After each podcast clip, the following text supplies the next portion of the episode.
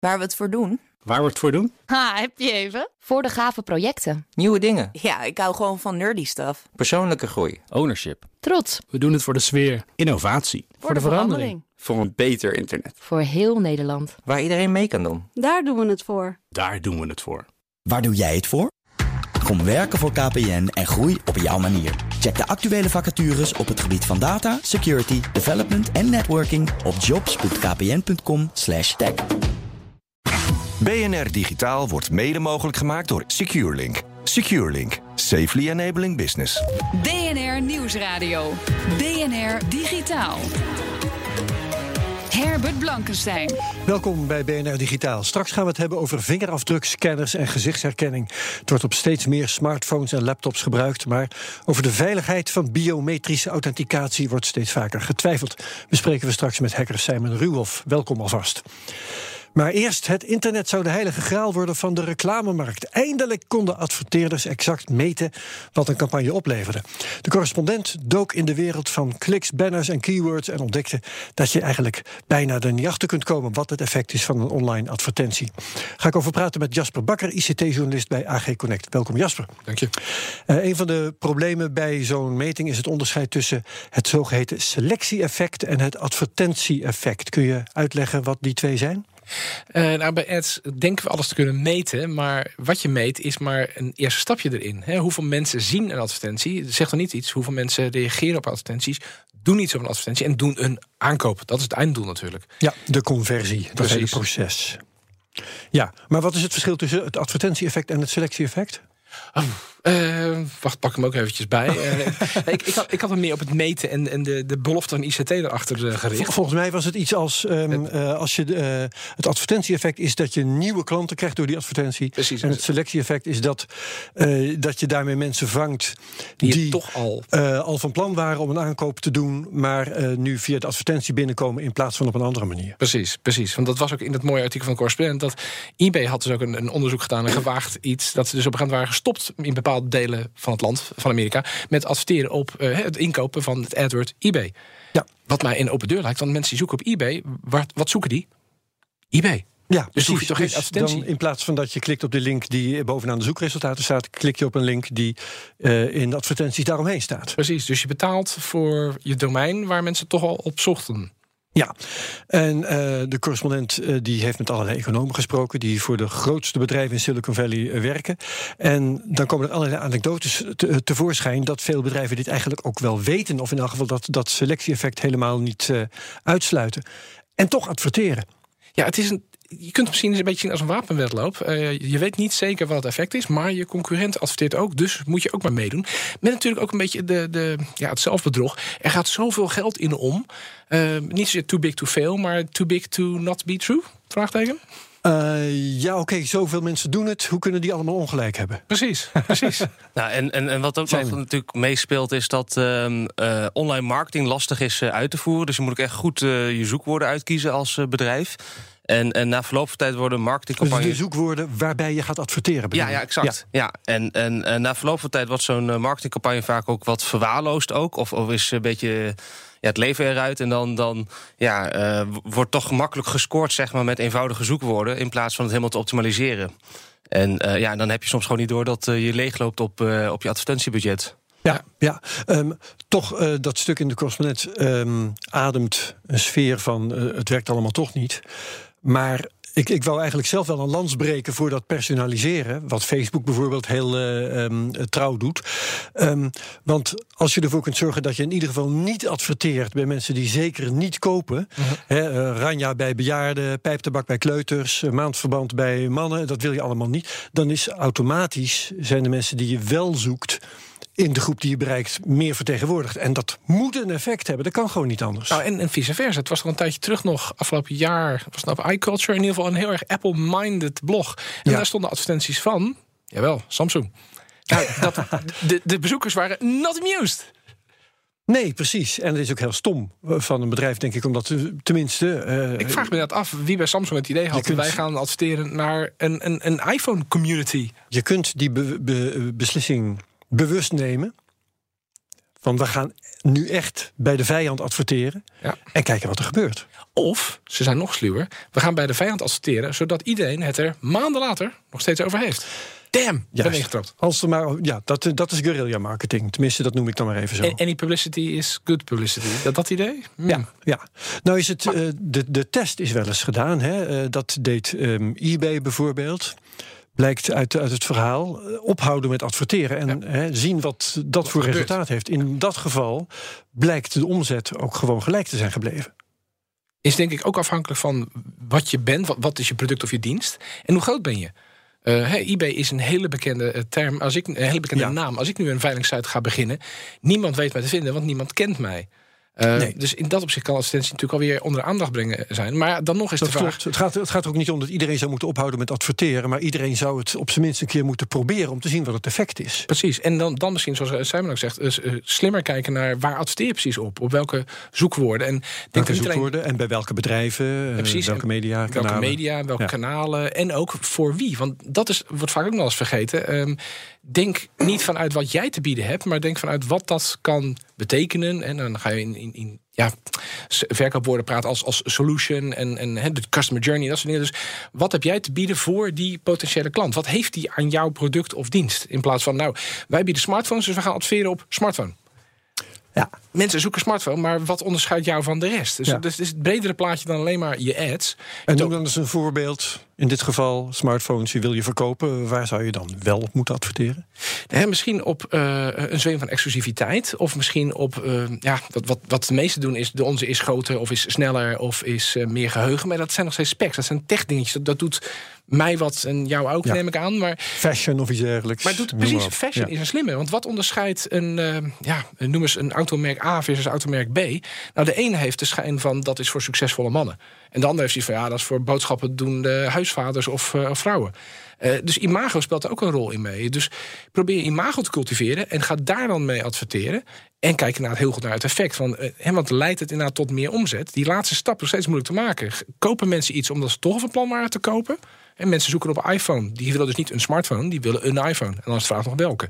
Of gaan mensen kopen omdat ze Ja. door jou overgehaald zijn? En dat laatste is, ja, marketing is nog steeds een, eh, een vage wetenschap. Ja. Ja, ja, en de, ja, de conversieratio waar vaak op gemeten wordt, hè, om te kijken of zo'n campagne effectief is. Dat eh, ja, als je gewoon op eh, in dit geval eBay dan zoekt eh, en, en ja, je koopt er ook wat, dan eh, heb je een hele hoge conversieratio. En nou ja, veel beginnende online marketeers die, eh, ja, die kijken daar naartoe en die denken van nou ja, dit, dit is een goed zoekwoord. Daar, eh, daar krijgen we bestellingen mee. En ehm, nou, tegenwoordig is het ook zo, omdat eh overal op eh, websites nu HTTPS-encryptie hebben, dat, eh, dat je ook niet meer altijd ziet welke zoekwoorden men op, via welke zoekwoorden men op je site gekomen is. Dus, dus eh, ja, je ziet ook niet het verschil met de organische resultaten van eh, die in eigenlijk al natuurlijke positie in de Google versus ingekochte advertenties. Het verschil is ook lastiger te zien de laatste jaren. Ja, ik denk dat het ook best wel wat voor valt te zeggen om eh, wat van het advertentiebudget af te snoepen en dat te geven aan betere SEO. Er zijn nog zoveel webshops en Search engine optimization. Precies, sorry. Ja. Precies. Nou ja. Dus beter, je betere vindbaarheid, je betere ontsluitbaarheid. Dus er zijn nog genoeg bedrijven die hebben een, een webshop of een website die lastig te vinden is. Eh, dus je zit niet op een hoofdwinkelstraat, om even in ouderwetse termen te praten. Maar je zit in een zijstraatje en je hebt een smal voordeurtje en je hebt geen etalage. Dus mensen weten je niet te vinden. En als ze toevallig langskomen, kunnen ze niet goed zien wat jij hebt. Oftewel, Google ontsluit niet goed wat jij hebt. Ja, ja, ja. Nou, nou is het tricky ervan. Hè? Google tweakt zijn algoritme om de zoveel tijd. Dus SEO is niet een kwestie van, nou, je maakt je site wat beter vindbaar en je bent klaar. Nee, er is voortdurend onderhoud nodig. Precies, dat, dat is natuurlijk ook weer een, een jammere boodschap. Maar ja, dat geldt er ook voor advertenties. Ja, dat geldt ook eh, voor imago en dat soort dingen. Precies, het is ook een kwestie van je vesting onderhouden imago, je hebt ge, eh, geadverteerd en nu ben je er. Nee, dat is ook een, een doorlopende zaak. Dus, Wat ik een briljante eye-opener vond in het hele verhaal trouwens. ehm, dat was nou, in eerste plaats dat als, zelfs als aangetoond is dat eh, het online adverteren maar zeer ten dele werkt, dan gaan ze er vaak toch mee door. Maar het allermooiste werkelijk, dat was dat ehm, marketingafdelingen vaak helemaal eh, geen belang erbij hebben dat aangetoond wordt dat dat online adverteren niet werkt. En eh, dat eh, ze dus hoe dan ook daarmee graag mee willen doorgaan. Ja, dat was ook die, die mooie quote aan het begin, the magic. You're ruining the magic. Je, Ruining the magic. als je zegt dat je alles kunt meten, dan is de magie weg. De magie Ja, van ja. marketing. Maar het is precies, en het gaat dus wat dat betreft meer om de marketing van de marketing dan de marketing van het product. Dat, dat vond ik echt briljant. Ja, dat is, dat is altijd mooi. En kijk, het speelt ook mee. en dat geldt op het niveau van Google en Facebook, Ja. die dus de indruk blijvend weten te wekken dat hun, uh, hun uh, producten werken, hun uh, aanbod werkt. Ja, zij hebben hun maar marketing ook, van ads hebben ze goed op orde. Ja, Want wij maar ook van marketingafdelingen. Ja. Die helemaal niet willen dat hun werk eh, dat het, de werkzaamheid van hun werk wordt uh, ondergraven. En helemaal niet belang hebben bij een lager budget, bijvoorbeeld. Nou ja, en marketing komt natuurlijk voor een groot ook neer op, op psychologie. Inschatten wat zijn drijfveren, wat zijn motivaties van mensen. En hebben mensen toch al besloten om een product in een categorie A te gaan kopen, dan kun je ze hooguit verleiden om jouw uh, product, jouw merk in die categorie, productcategorie te kopen. Uh, maar dan moet je inderdaad inschatten waar zijn mensen gevoelig voor, waar gaan ze voor. En dan kom je ook een beetje op het vagere.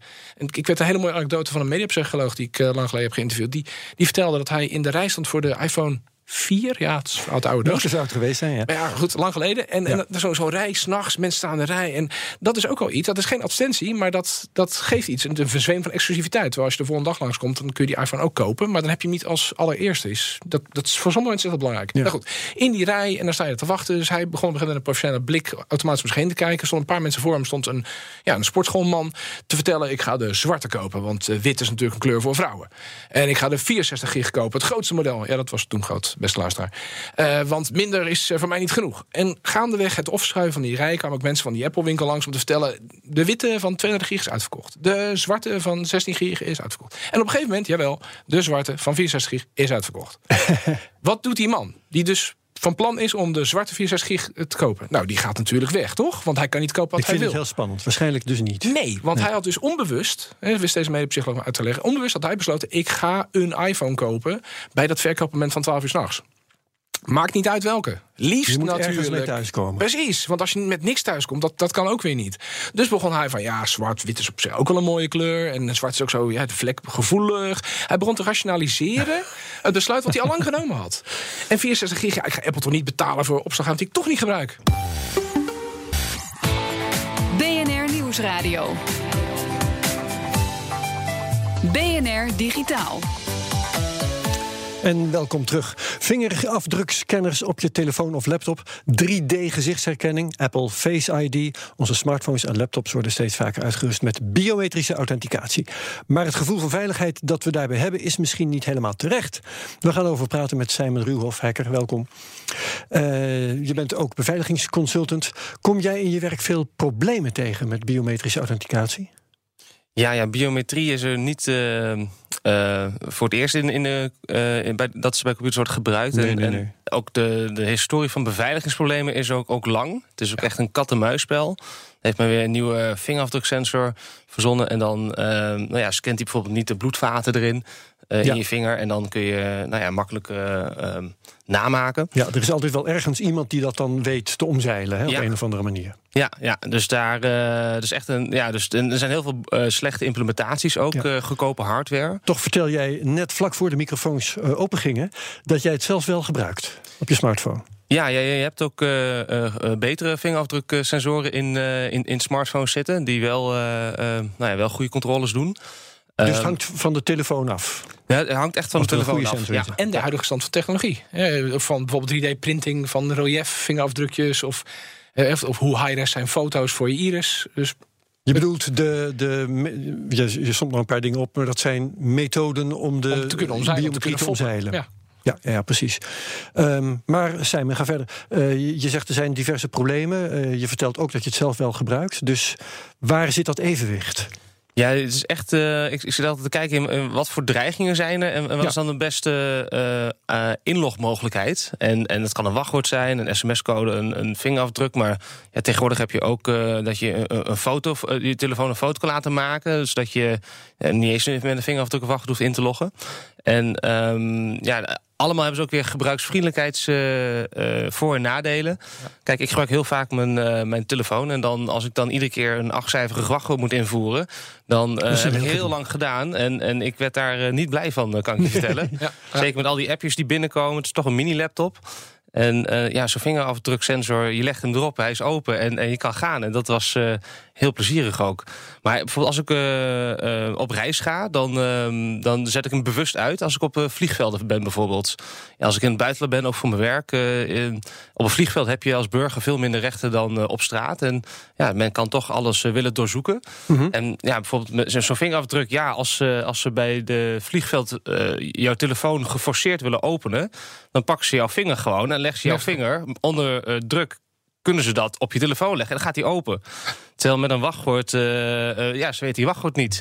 Ja, maar een, om dat uh, op mijn manier te formuleren, met de vingerafdruk is fysieke dwang mogelijk en met een wachtwoord niet. En zelf, ja, zelfs bewusteloos dwang.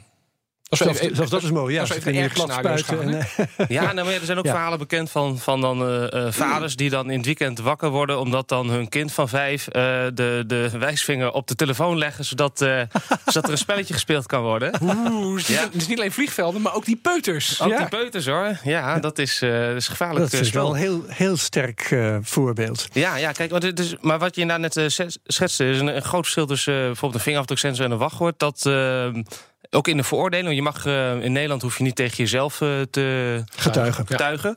Ja. Um, dus dus ja, in Nederland uh, mag de politie niet jou gedwingen je wachtwoord af te geven. Maar in, in Nederland mag de politie wel jouw vinger gedwongen op je telefoon leggen als jij een, een crimineel bent. Dat, dat... Dus dat is zelfs legaal? Ja, dat is zelfs legaal in Nederland. Um, gebeurt ook. Um, maar bijvoorbeeld in, in Amerika, dat is een recente uitspraak van de hoge rechter, is dat weer anders. Dat, uh, daar, is, uh, ja, daar mogen ze het weer niet, je vinger op je telefoon leggen. Omdat men dat dan vindt daar, dat dat wel tegen jezelf gaat. Maar wat ik hier in ieder geval uithaal, dat is dat de, de reputatie... of moet, misschien moet ik zeggen het verkooppraatje dat rondom biometrie wordt gepresenteerd... Dat, dat het heel erg veilig zou zijn. En een oplossing voor ik weet niet wat allemaal, dat is niet juist. Nou, het is heel, heel divers. Je hebt wel hele veilige biometrische oplossingen. En, en zeker biometrie in combinatie met een wachtwoord kan behoorlijk veilig zijn. Maar als je alleen biometrie aan zich gebruikt, um, dan. Als, als enige? Ja. Als enige, ja. En, en je hebt daar geen, uh, bijvoorbeeld als, ja. als, als toegangscontrole voor een bedrijfspand. En je hebt daar niet bij de bij de, de uitleesapparaten uh, toezicht staan en, en een goede beveiliging, dan ja, is zo'n systeem best nog wel uh, ja. regelmatig uh, te foppen. Dus, dus uh, ja, ik ben wisselend enthousiast over ja. biometrie. Ik las pas een, een stuk um, op Computer World van een auteur die heet Roger Grimes, dus een uh, IT-journalist. En die zei iets heel interessants, vond ik. Die zei: biometrie is eigenlijk beter geschikt als username dan als wachtwoord. Wat vind je daarvan? Ja, ja dat uh, kan, kan heel goed ook. Ja, dat is, als je dat als extra factor inzet, dan, uh, dan, dan heb je wel meer veiligheid ook. Ja, dat sluit weer aan bij wat Jasper zegt. Hè. Alleen een biometrische identificatie is uh, eigenlijk nou, kan, kan, nou, kan ook genoeg zijn. Hè. Als ik, ik was laatst op Schiphol en nou, dan kun je ervoor kiezen of je bij een, ja, iemand die een mensen je de paspoortcontrole wil doen, of, of tegenwoordig ook via machine. Ja. En die machine gaat dan helemaal op je juiste ooghoogte uitlijnen, maakt een foto en vergelijkt dat met je foto in je, in je paspoort. Ja. Maar dat, daarmee zeg je eigenlijk weer: um, biometrie kan heel veilig zijn. hangt echt van de techniek af. Met andere woorden, je moet er een hoop van afweten. voordat je kunt beoordelen of uh, de biometrie in kwestie veilig genoeg is. Ja, je moet veel van weten en je moet veel regelen, zeg maar. Dus, dus een website kan niet zomaar biometrie aan hun uh, eindgebruikers aanbieden. Omdat ja, ze weten niet uh, of de vingerafdruksensor die in de laptop van de eindgebruiker zit... of dat uh, daar niet mee geknoeid is. Ja. Daar hebben ze geen enkele controle Precies, over. en dan kom ik weer terug op wat ik, wat ik net zei. De biometrie is niet veilig genoeg voor ehm, ge gewone gebruikers zoals ik. Ja, Want het, het, je wilt het wisselt. niet je daarin hoeven verdiepen. Je wilt gewoon die vingerafdruk gebruiken of niet. Maar je wil niet weten wat voor sensor. sorry. Wat voor sensor zit er in, in mijn telefoon of wat voor andere technieken worden er toegepast? Want en, en hoe dan wordt het is, ingewikkeld om te beoordelen. En hoe volledig is de, de, de, zeg maar de opname die wordt gemaakt van de vingerafdruk waar daarmee vergeleken wordt? Nou, is dat volledig Dat willen ze allemaal niet weten. ja, ja, nee, ja, nee, precies. Wil je ook niet weten. Het is een, uh, zeker op de smartphones een vrij uh, uh, nog wat onvolwassen techniek. Consumentenbond had laatst een onderzoek gedaan waaruit bleek dat in 1 op de drie, van 1 op de drie telefoons, 60 telefoons onderzocht, dat je aan de hand van een uitgeprint geprinte foto, kleurenfoto, dat een telefoon zichzelf ontgrendelde omdat hij dan dacht dat het een echt gezicht was. Eén op de drie telefoons, dat is schrikbarend hoog. Ja. Ehm, En met de- een geprinte foto. Niet eens met een 3D geprinte exemplaar van jouw hoofd. Nee, gewoon Ja. een 2D-afbeelding op een nou, redelijk normale, betaalbare in ieder geval printer. Ja, ja, en ik weet, weet je, die telefoonfabrikanten willen zo goedkoop mogelijk eh, eh, een, een mooi te- telefoon aanbieden. En, en eindgebruikers die zijn er niet heel kritisch op dit soort beveiligingsmaatregelen. Vroeger hadden veel mensen geen eh, pincode op hun telefoon. Hè, dus dat is de laatste jaren wel veel meer verbeterd. wil ook zeggen dat de telefoons zijn ook eh, vroeger sms'en bellen. Nu is het een hele computer geworden. Hè, dus dat is heel belangrijk. En eh, ja. Ja, er staat ook bij als je zo instelt van met, met, een, eh, met je gezicht eh, inloggen dat het minder veilig is. Maar ja, mensen doen het wel. Ja, nog even een kort advies. Ik heb een telefoon en die biedt mij aan. Ik kan gezichtsherkenning toepassen. Ik kan een vingerafdruk toepassen. Je kunt een wachtwoord kiezen of een pincode. Wat raad jij aan?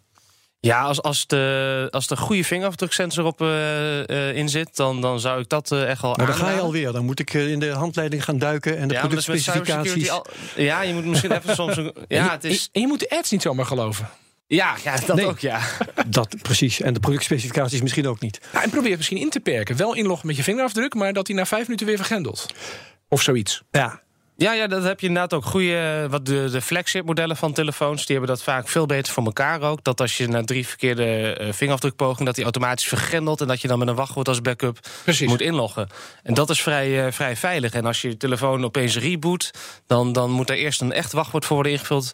Eh, dus bij de duurdere telefoons hebben, hebben dat wel goed voor elkaar. Maar ja, een telefoon voor, eh, van 100 euro, ja, verwacht daar ook niet al te veel van. ik ga hier op eigen gezag een eh, samenvatting van maken. Bij twijfel bel Simon Ruhoff. Ja. En stel meer authenticatie in. eh, Meer Alta. traps, dat is een hele belangrijke twee-factor authenticatie. Ja, dankjewel. Beveiligingsconsultant en ethisch hacker Simon Ruhoff. En ook dank aan de andere gast, Jasper Bakker, ICT-journalist bij AG Connect. Tot zover BNR Digitaal. Laat vooral weten wat je ervan vindt. E-mail naar digitaal.bnr.nl of Twitter aan BNR Tech. Terugluisteren kan via bnr.nl, onze app, via iTunes of Spotify. En daar vind je ook mijn andere podcast, bijvoorbeeld De Technoloog. Tot zover deze BNR Digitaal en heel graag tot volgende week. Dag. Ook Bas van Werven vind je in de BNR-app. Ja, je kunt live naar mij en Iwan luisteren tijdens de ochtendspits. Je krijgt een melding van Breaking News. En niet alleen onze podcast Ochtendnieuws, maar alle BNR-podcasts vind je in de app. Download nu de gratis BNR-app en blijf scherp.